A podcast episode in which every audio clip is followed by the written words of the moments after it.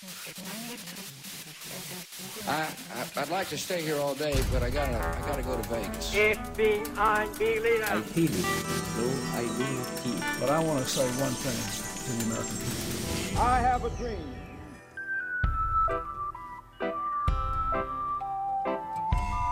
Hallo og hjertelig velkommen til semesterets første Globus her på Radio Revolt. Vi er som du kanskje har fått med deg Radio Revolts flaggskip og utenriksmagasin nummer én. Eh, Dagens tema det er Vest-Afrika, sånn sirkus. Og med meg i studio i dag så har jeg Anders Monsen. Nicolas. Nicolas. Og senere kommer også Sigmund og skal joine oss. Vi starter med en helt fantastisk sang av Tom Jones, og det er ikke flaut at jeg kan hele den her, ikke sant? Nei da.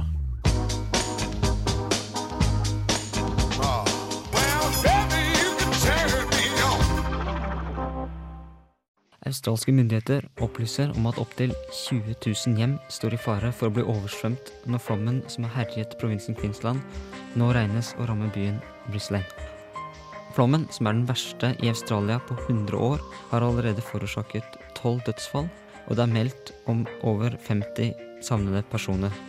Flere områder av byen Ipswich, som ligger ved siden av Brisbane, står under vann, og det er faktisk blitt rapportert om tilfeller av hai i enkelte av gatene. Sør-Sudan har oppnådd et velgeroppmøte på over 60 tre dager før valglokalene stenger for godt. Sør-Sudan stemmer i disse dagene over om landet skal løsrive seg fra Nord-Sudan. Sudan har fram til fredsavtalen i 2005 opplevd alvorlige etniske og religiøse konflikter mellom det muslimske nord og det kristne sør. Det antas av eksperter at sør nå kommer til å løsrive seg, men han håper å unngå videre konflikter som en følge av valget. Elfenbenskysten ambassadør til FN hevder at den nylig valgte presidenten Alassane Autara er villig til å inngå samarbeid med tidligere president Laurent Gbagbo om Gbagbo gir seg som president for Elfenbenskysten. Gbagbo tapte presidentvalget til Autara tidligere i fjor, men har på tross av sterkt press fra FN, USA og verdenssamfunnet som helhet nektet å gå av.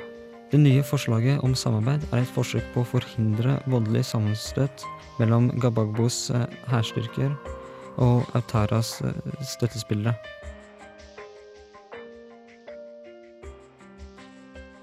Den behagelige stemmen du hørte der, var Sigmund Gønli Bolme, som nå har sneket seg inn i studio. Velkommen, Sigmund. Takk skal du ha, Martine. Jeg var litt seint ute, men det, det går. Ja, det gikk det. Eh, hvordan, eh, du har snakka litt om Brisbane og Jeg snakka litt om det eh, på nyhetene, og det som eh, jeg nevnte som jeg syns kanskje er mest interessant, er at det er blitt observert hai i gatene i Ipswich. Altså hai som har kommet opp fra elva, som har gått over sin bredde, og svømmer rundt i gatene. Det blir ikke mer morsomt enn det. Nei. Eh, men vi har jo snakka med en av uh, våre kollegaer da, som er på utveksling i Brisbane. Ikke radioutveksling, da, men uh, sånn, ja, studieutveksling. da. Og Han heter for Jan Thomas. Eh, Han er ja, han er 21 eller 22 år gammel, jeg husker aldri. Sånn cirka. Uh, ja, han er sånn, ja. i sin beste alder, kan vi si. Uh, og Han er jo da og studerer der, da. Uh, og han kom jo da midt oppi det kaoset her, og har eh, blitt evakuert fra der han bor, da, for at de er redd for at det skal flyte over inn i etasjen under der han er og sånne ting. Eh, så jeg tror kanskje vi bare skal høre på det intervjuet. Radio Revolt. Jan Thomas, du eh, er jo nå i Brisbane. Hvordan er forholdene i Brisbane akkurat nå? I løpet av dagen i dag så har det vært, det har vært sol, egentlig. Ganske mye. Men elva er da steike kraftig. Det, det renner ned. Du ser flytebrygge med båter på, flytebrygge uten båter på. Og hele sånn elve sånne gangstier langs elva som er blitt uh, revet løs ifra hele, hele systemet som det hang fast i. Og de driver og demonterer nå fordi at de er redd for at den skal, eh, skal rive seg helt løs og flyte videre ned elva og ødelegge ting på vei ned. da. Um, eh, hvordan er det? Er det mange som er, på, er blitt evakuert nå? Uh, ja, sånn her i Brisbane så har vi, vi har jo klart å holde oss unna flommen som herjer rundt i Queensland for det, for det meste, da. Eh, det har vært nå i de siste dagene at elva bare svuller opp, og det er av den der Waihoven-demninga som er oppi her. Ja, altså, det er jo en god del folk, da, som Det er snakk om flere tusen hus som har, eh, som har blitt evakuert. Der som jeg bor, da, Jeg bor i West End-området. Og eh, vi, eh, vi ble eh, vi, I går, da, så drev vi og hjalp folk med å bære ut møbler og styr fra huset deres. Og, og i dag tidlig så måtte vi bare reise derifra, for eh, ellers så hadde Akkurat nå så er det helt oppe til dørkarmen. Hvor er du du befinner deg nå? Eh, Nå eh, holder jeg til eh, på en annen sånn suburb som heter New Farm, da. Med venner, så vi, vi bor hos deg. Det, altså, hva er årsaken til at, det, at, at både demninga og elva har, eh, har gått over sine bredder? da? Um, det er jo hovedsakelig regnskyld uh, i resten av Queensland, og så den, uh, den uh, demninga som de bygde da etter 1974-flommen, den har uh, nådd sitt bristepunkt. Den var sånn to meter under, toppen. Så for å hindre, hindre at den skal briste og alt skal gå til pieces, så har de begynt å slippe ut vann. Og dette vannet det renner jo da ned i elva, som da bare stiger og stiger og stiger. Det er ganske, ganske det, skjer ganske kjapt, må jeg si. Mm. Um, har du lagt merke til noe altså, om, Har det regnet noe særlig i Brisbane sjøl, eller er det bare Queensland som har fått uh, det meste av regnet? Det Det regna ganske mye i, i Brisbane òg. Det har vært eh, De siste ukene har, har vi nesten ikke sett sol.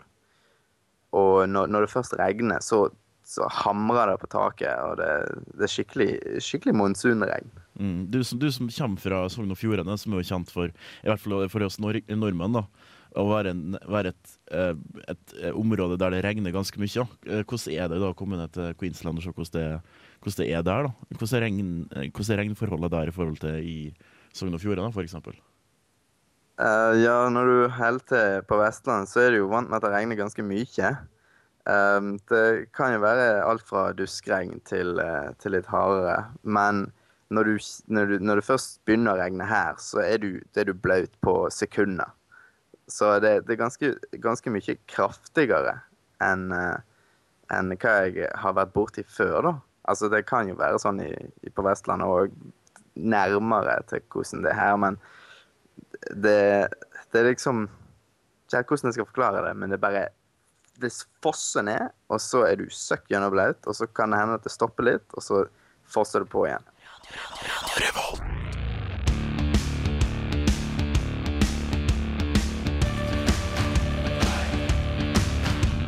Ja, eh, Ja. Jan Thomas, jeg lurer på, Hva er det dere gjør i løpet av dagene? Er det sånn dere kan leve vanlig, eller må dere, blir på en måte alt avlyst? Alt skole og sånt er avlyst. Jeg har fått melding om at eh, skolen er oversvømt i de nedre, nedre områdene. Og de har jo studio og, og musikkinstrumenter sånn, så de har prøvd å, å redde ut. da. Men eh, ja, skolen er da eh, avlyst ut veka, så håper de på å begynne igjen på mandag. Dere har en plass å være nå, men er det mange som har, som mange, altså, har problemer med å finne seg steder å oppholde seg der det er trygt? Eh, ja, de har oppretta masse sånne der krisesenter uh, så folk eh, havner, havner på, da. Det er ikke alle som har plasser å reise, og det er jo ikke alle som, som reiser fra huset sitt heller, da. Det, naboen vår har faktisk Når vi reiste derifra, så skulle de fortsatt bli igjen. Um, vi vet ikke helt hvor, hvor mye det kommer til å stige, men uh, sånn som for de som blir igjen, så har de ikke strøm, og de har ikke vann, og det Altså, det kan hende at de klarer seg, at det ikke kommer vann helt opp til, til deres nivå. Eh, fordi at mange hus har sånne der eh, staker som de står på. Men det er et ganske kjipe, kjipt liv å, å sitte der. Um, du snakka om eh, flommen i 74. Eh, hvordan, har du snakka med noen som har opplevd den flommen? Og hvordan det er i forhold? Eh, ja, altså, jeg har ikke snakka med folk som har vært til stede under den, da. Men uh, det er jo mye på nyhetene om at det kanskje kommer til å, å bryte 1974-flommen. 1974-flommen var jo uh, Det var før de bygde demningen, og det var Altså, det var grunnen til at de bygde demningen, for den var, den var katastrofal for, for hele Brisbane-området. Han er, Nå er det kanskje Jeg var og sjekka et sånt område, en sånn stake i dag, og det er vel kanskje bare to meter unna, og det skal stige to meter i løpet av morgendagen, sier de. Mm. Eh, nå er det vel, det er vel sent onsdagskveld nå i, eh, i Australia. Eh, Det stemmer, det. Ja, så vidt vi har fått beskjed om også her i Norge, da, så er det sånn at det skal bli Altså det, det neste døgnet, da, som skal være det som er mest sånn eh, kritisk. Kan det stemme? Det stemmer. Eh, I løpet av natta, ca. klokka fire, så tror de at, eh, så tror de at elva skal nå sitt toppunkt, da. Eh, på ca. 5,5 meter. Det var Jan Thomas, vår medarbeider, som nå er i Brisbane og opplever flommen på nært hold. Befinner seg på ganske dypt vann, altså. Det som er litt heldigvis at dette skjer i Australia, er jo at de har plastsedler, da. Pengeenheten. De er veldig forberedt. Så det er i hvert fall et pluss da med flommen. Men andre synspunkter? Men altså, Australia som vanligvis, det er, ikke, det er ikke vann jeg forestiller med Australia, egentlig. Det er relativt tørt. Mhm. Ja, de har korallrev, da. Det har de. Men det er jo i sjøen. Nei. Altså, på, på land så er det jo ganske altså det, Man har litt sånn inntrykk av at det kanskje er litt sånn eh, litt, hva skal jeg si, litt brunt. Egentlig. Ja. Litt brunt og litt sandete og litt kenguru og sånne ting. Men nå er det et kontinent, da, så det er jo varierende. Og det bor jo ingen på midten, de bor Nei. bare langs kysten. Ja, det er jo et sånn subtropisk klima på hele kontinentet. Men eh, ja, nei, altså det, det er jo et, er ganske alvorlig det som skjer der. da. Eh, for Det ble snakk om den eh, flommen i eh, 74, var det vel. Eh, og den tok jo livet av veldig mange folk. Og så langt så har jo faktisk tolv stykk eh, blitt bekrefta omkommet da, eh, i løpet av så få dagene det har vært flom. Og det er 57 stykk som er savna. Ja, de eh, hjelpearbeiderne de, de snakker om det at de gruer seg til, til vannet forsvinner. For da må de begynne å gå inn og så leite etter, etter, etter folk, og de regner med å få et par ganske stygge, stygge, syn- stygge opplevelser når de, når de må gjøre det. Ja, jeg så noen kenguruer i hvert fall har blitt redda. De ble båret gjennom gatene hold, av, holdne av sivilbefolkningen, som eh, alle måtte hjelpe til med dyrebeskyttelse da, nå i flommen, for de klarer ikke å overleve selv. Jeg er ganske glad for at det er Norges eh, nasjonaldyr, eller nei, nei er vel- er fuglekonge, er ikke det? Så vi trenger ikke å redde den hvis det blir flom. Men er gaupen, ikke da, fuglekonge, ja. men begge deler kan å svømme. Eller fuglekonger kan vel kanskje ikke svømme. Ja, de, De kan de Klarer seg, takler seg. Ja. Yes, Men eh, det er i hvert fall en skummel skummel sak, og noe av det verste blir vel kanskje all erstatningen etter eh, flommen. Tenker på husskader og sånne ting. Eh, vi skal snakke kanskje litt mer om spennende ting etter en fantastisk, fantastisk sang. Og vi får lyst til å dra til London alle sammen. Her er The Clash med London Calling.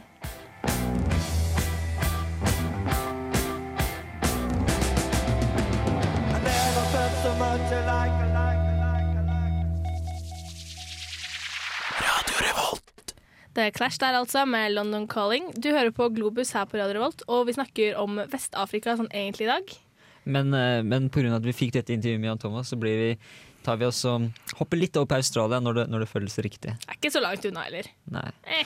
Eh, Et av de store problemene i, i Vest-Afrika i dag er jo Elfenbenskysten, sånn som jeg nevnte innledningsvis eh, i, i nyhetene. Og eh, nå ser det ut som det kanskje eh, potensielt eh, kan, kan gå mot en løsning, men, men det er noe med de, de, disse presidentene, disse lederne i Afrika. De har en lei tendens til å bli sittende på makta når de, eh, når de um, egentlig skal gå av. Så tror dere at eh, at det kontinentet på en måte er dømt å så fortsette på den måten?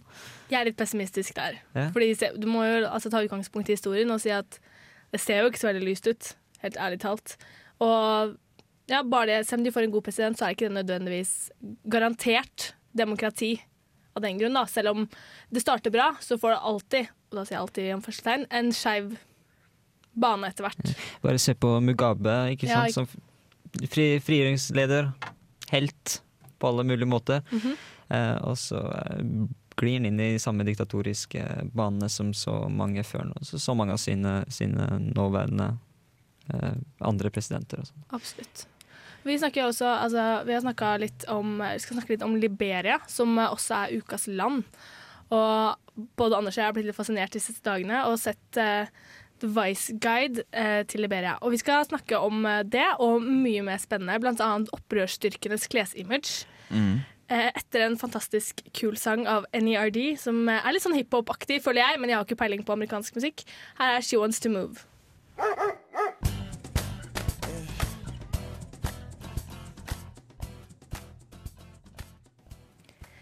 NERD med She Wants To Move. Eh, du hører på Globus her på Radio Revolt, og i dag snakker vi om Vest-Afrika. Og i den anledning så har Anders Småsund laget en sak, Ukas land, Liberia. I USA, på begynnelsen av 1800-tallet, blei flere og flere amerikanske slaver frigitt. I nordstatene var det ikke lenger behov eller sett på som etisk å holde slaver. Problemet var at plutselig hadde man mange svarte i USA som man ikke visste hva man skulle gjøre med. En løsning viste seg. Hva med å sende dem tilbake der de kommer fra? Løsninga ble Vest-Afrika. Løsninga den ble Liberia. Den amerikanskstøtta innvandringa kan ses på som en særform for kolonialisme, særlig siden innvandrerne ikke prøvde å integrere seg. Det ble sosiale problemer mellom såkalte Americans og lokalbefolkninga, såkalte natives. Americans, som stort sett holdt seg ved kysten, brakte med seg amerikansk kultur og så på urbefolkninga som primitive. I mange tilfeller innførte amerikanerne også det systemet som de sjøl hadde blitt frie fra, nemlig slaveri. Ved begynnelsen av den amerikanske borgerkrigen bodde omtrent 12 000 afroamerikanere i Liberia. I prinsipp var Liberia Afrikas første moderne demokrati, men i praksis var den derimot dominert av en liten elite etter de amerikanske innvandrerne, helt frem til 1980. En lengre rekke opprør fra natives ble slått ned gjennom den tida. Fra 1877 til 1980 var Liberia en ettpartistat, med amerikanernes parti, True Whig Party, som eneste politiske parti. True Whig Partys dominans fikk en brå slutt i 1980, da president William R. Tolbert jr. ble henretta i sin herskapshus av opprørere fra den tradisjonelle natives-gruppa ledet av Samuel Kenyon Doe. Doe ble diktatorisk leder for Liberia og innførte et regime preget av undertrykkelse og sensur. Han kalte samtlige store partier sosialistiske, og dermed grunnlovsstridige. I 1985 arrangerte Doe det første valget for å legitimere sitt kupp, og ifølge internasjonale observatører tapte han klart til Jackson Doe, som han da ikke er i slekt med. Men etter flere opptellinger avsatte Samuel Doe tellerne og ansatte sine egne, som kom fram til at han tilfeldigvis hadde vunnet, med over 50% We have a government that was duly elected by the people of this country, and anything that has to do with resignation must come from the people themselves. Doe var derimot ikke verdens flinkeste politiker. I 1989 begynte en borgerkrig drevet av Does dårlige politikk, som frambrakte motsetninger mellom de ulike stammegruppene i landets nord. This is just an ordinary civilian uprising. It's not a military coup, not a military situation. Ordinary people uprising, trying to bring fair play and justice. Charles Taylor is leader of the rebels. What he really wants is to be leader of Liberia. His adoring followers, in fact, already call him president. Charles Taylor hadde tidligere flykta til USA, og kom nå tilbake igjen, men relativt beskjeden her, og tok kontroll over norddelen av landet. Han hadde i utgangspunktet suksess, men etter hvert fragmenterte gruppa hans. Særlig prins Johnson, eh, som nå er senator i Liberia, ble hans største fiende. Johnsons gruppe tok seg inn til Samuel Kado, og Johnson fikk eh, midlertidig kontroll over hovedstaden. Og det sies at han også drepte Samuel Kado og spiste ham. Etter hvert ble borgerkrigen så stor at den involverte sju forskjellige fraksjoner.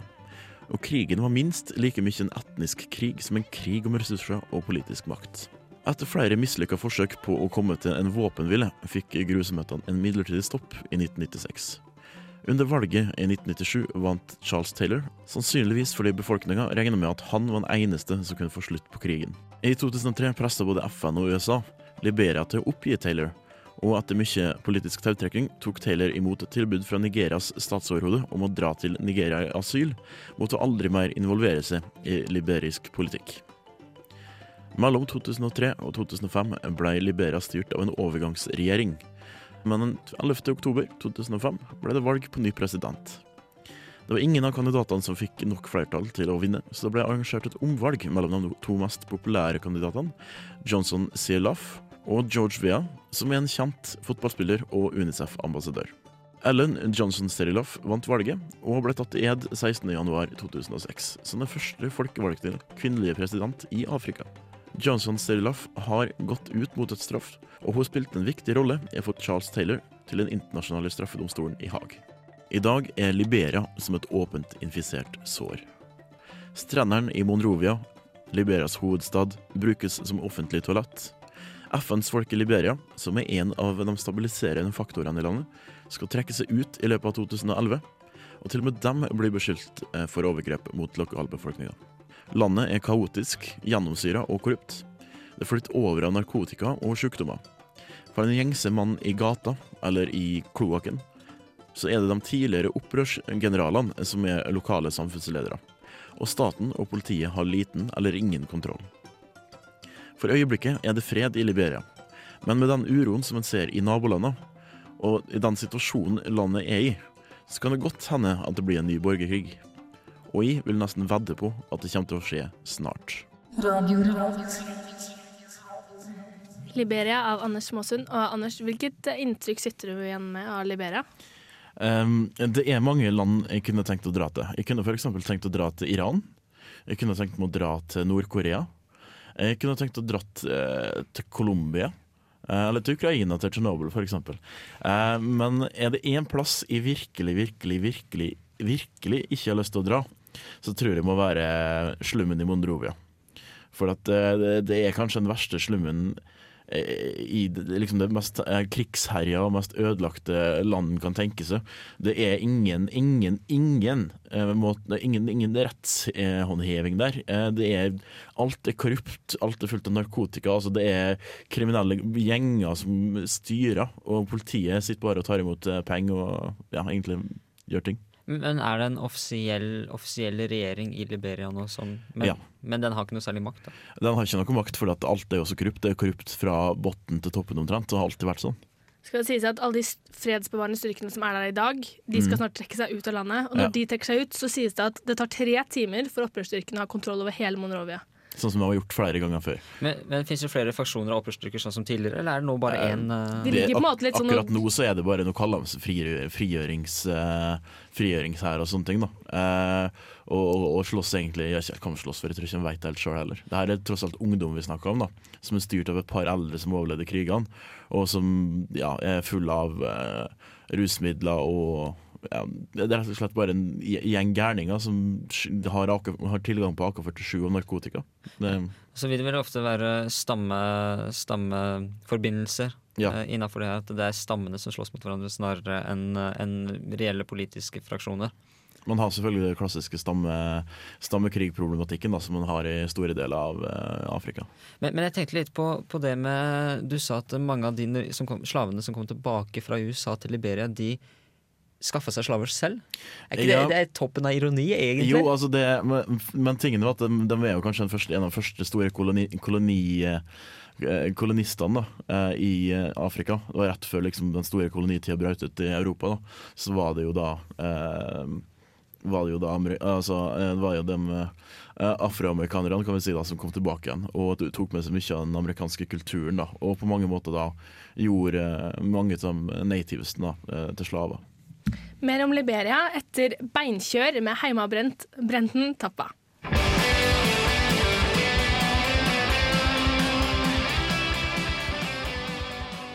There's an old saying in Tennessee, I know it's in Texas, probably in Tennessee, that says, Fool me once, shame on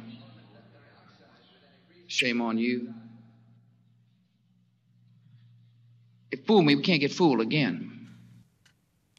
George Bush der, og før det beinkjør. Eh, du hører på Globus, og vi snakker akkurat nå om Liberia.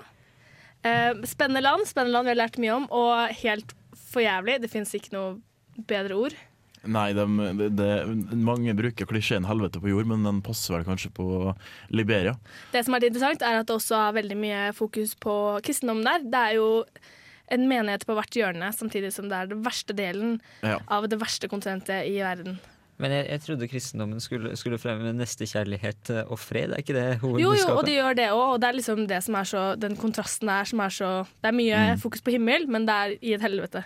Ja, De prøver jo da å bli bedre gjennom Gud, da. Ja, men det blir jo ofte fort sånn at eh, folk eh, skaffer seg eh, salvation, altså i- gjennom religion når de har det fælt.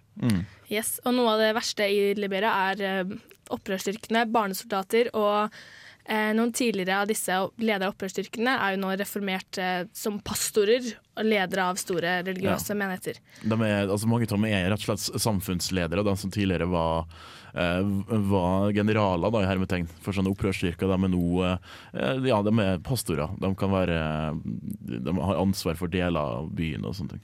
Men, men de opprørsstyrkene de er ikke helt som herre, men allikevel så har de en viss uniformkode, Martine.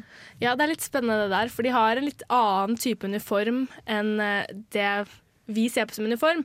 Og det slått meg at kanskje det er fordi um, uniformer er jo kjedelig, ikke sant? Det er jo kjedelig, så de har kanskje skjønt det at hei, OK, vi er i krig, men vi kan jo gjøre det beste av det. Vi kan se kule ut. Ja, Mm. og vi i Globus har nå laget en rangering over de tre beste, tre best kledde opprørsstyrkene i Vest-Afrika.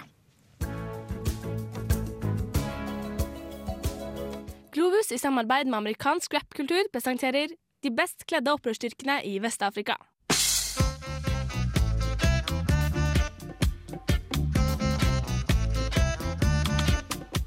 Siden trenchcoaten ble tatt ut av første verdenskrigs skyttergraver og satt inn på verdens motemarked, har det vært tydelig at det eksisterer et forhold mellom mote og det militære.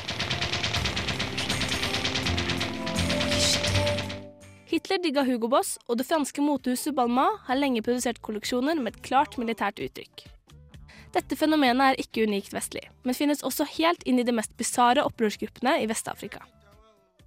Selv om disse gutta ikke påvirkes av fargevalget til Chanel denne våren, har de andre sterke inspirasjonskilder, deriblant den fantastiske amerikanske 90-tallsrappen.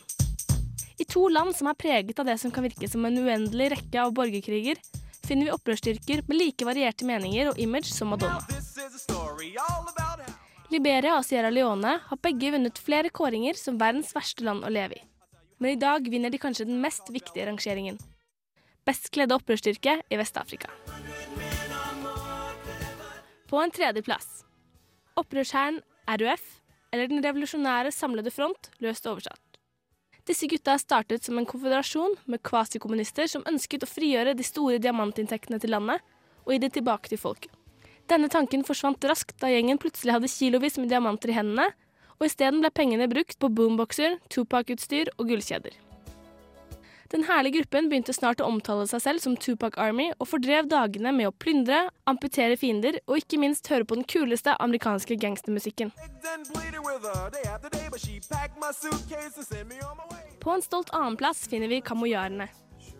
Disse er inspirert av Conan, ikke den amerikanske talkshow-hosten, men barbaren populært portrettert av godeste Schwarzenegger. Gutta kler seg dermed i dyreskinn og barske lendekleder. De digger å være kreative og lage fete, abstrakte masker, som også gjør at alle skuddene deres treffer perfekt. Den manglende kunnskapen om krigsstrategi gjør de opp for med sine kunnskaper om hvordan man fester ordentlig kvelden før kamp. Dyreofring, messing av tøffe ord og paraplydrinker er bare noen av godbitene denne gjengen tilbyr når det er i stemning.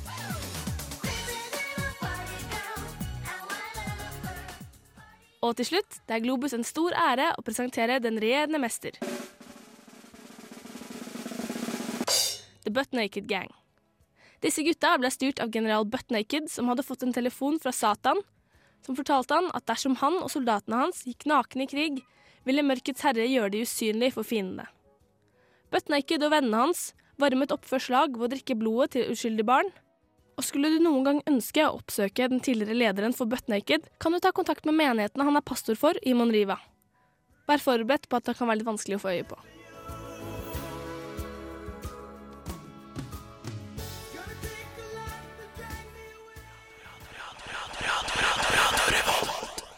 Yes, gratulerer til Butt Naked, som vant vår store internasjonale kåring.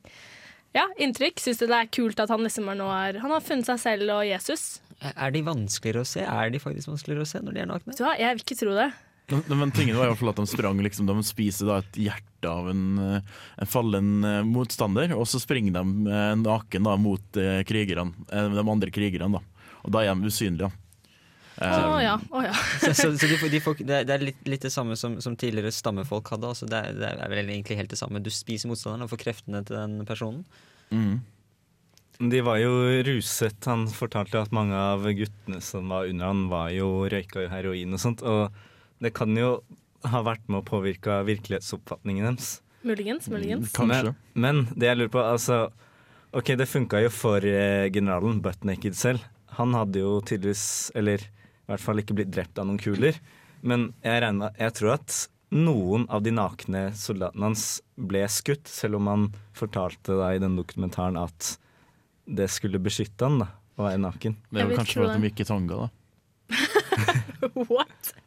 Ja. Uansett så er det jo bare helt fantastisk at denne mannen i dag er leder for en menighet. Han har, fått, eh, han har blitt benådet. Han har f- all straff har Han falt fant, han fant Gud, og da ble han benådet. Da var det greit. Mm. Og den dag i dag så danser folk rundt han og tilber han som samme gjeng som han drepte familien til for ikke mange år siden. Nei, det er ikke mange år siden. Og hva tror du, Anders? Tror du at en eller annen gang så kommer denne mannen til å Altså, han driver jo også på med sånne ungdomshus der han f.eks. har eh, tidligere motstandere som eh, også er der og jobber for han og sånne ting på de ungdomshusene. Han drar jo rundt og snakker med folk og Han prøver å lage orden på sin egen måte. Og når eh, FN-styrkene eh, forsvinner til av landet og alt dropper ut i kaos igjen, så tror jeg nok Butt Naked eh, tar av seg den hvite dressen og kler seg i Adams drakt istedenfor. Da har for, kamp. ja, ja, da har han jo for så vidt en, en klar milits eh, allerede, med alle de folka som er, han har samla rundt seg. Mm. Jeg ser for meg litt sånn Når du fortalte Når du begynte å snakke om at han skulle ta av drakten, så så jeg for meg litt sånn Supermann. Altså, han har alltid på en måte superheltdrakten under. Han har Og alltid han har jo alltid Butt Naked har jo alltid det. Ja. Han kommer ikke unna det. Nei. Hans alter ego er forblir der. Liksom, hvis du går inn i en telefonboks og ser en fyr som kler av seg, da veit du liksom at det er han, ja. Okay. Men President Butt Naked lyder jo, eller det klinger bra. Ja, ja, ja. ja. må jo Yes. Det har vært helt fantastisk. Ja, jeg President Butt Naked for the failed state of Liberia, ikke sant? Har Liberia FN-plass? Det har vært veldig stille å se han i FN. Alle de har nok FN-plass. Alle har FN-plass. Det er jo det er jo ikke akkurat verdens vanskeligste klubb å komme i. Men jeg lurer på hvem um, Buttnaked er jo genialt sånn skurkeheltenavn, litt ettersom hvordan Mm. man ser på det. Og jeg ble jo fortalt om De hadde jo bra navn, alle disse generalene. Rambo, bin Laden. Og så var det en sånn moskito, da, fordi mygg eh, forbindes jo også med noe farlig i Afrika pga. malaria. Og han hadde jo en erkefiende som var mosquitospray. Så hva er, hva er Butt Nakeds erkefiende? Er det Det liksom må jo være en fyr som går i veldig sånn i vinterkledd mann. Mr. Winterdress eller noe sånt. Nei. Åh, fantastisk. Vi skal snakke enda litt mer om Liberia før vi runder av. Eh, nå ACDC med You Shook Me All Night Long.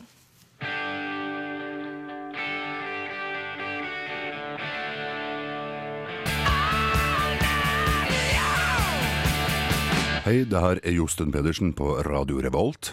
Radio Revolt, 12 points. Uh, yes, det var ACDC du hørte før Jostein Pedersen. En god venn av oss. Um, ja, gutter, hva, hvis dere skulle starte deres egen sånn opprørsstyrke, nå som vi har blitt litt inspirert, hva, hva er liksom eh, imaget deres? Niklas?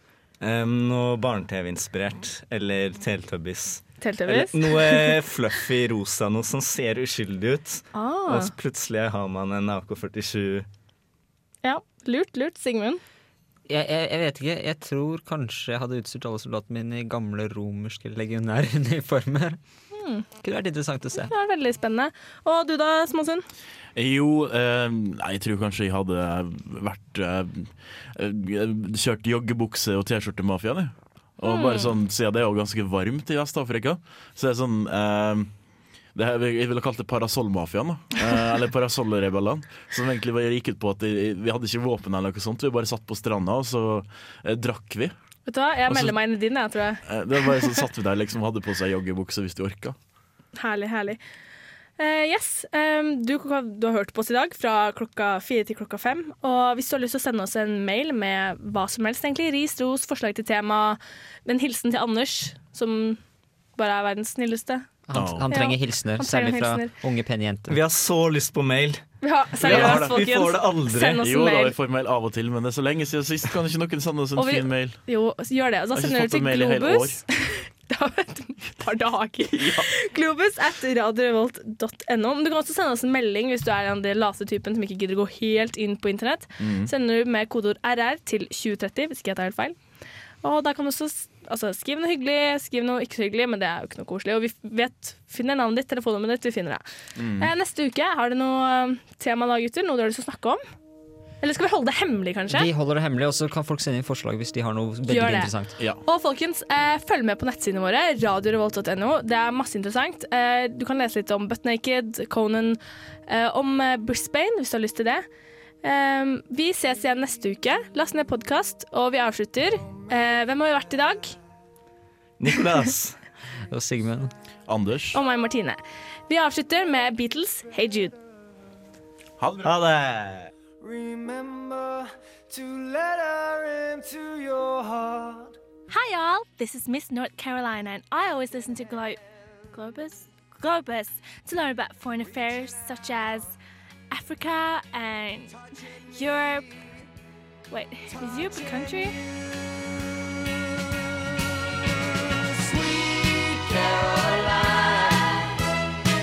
Gjør som Miss North Carolina og hør på Globus.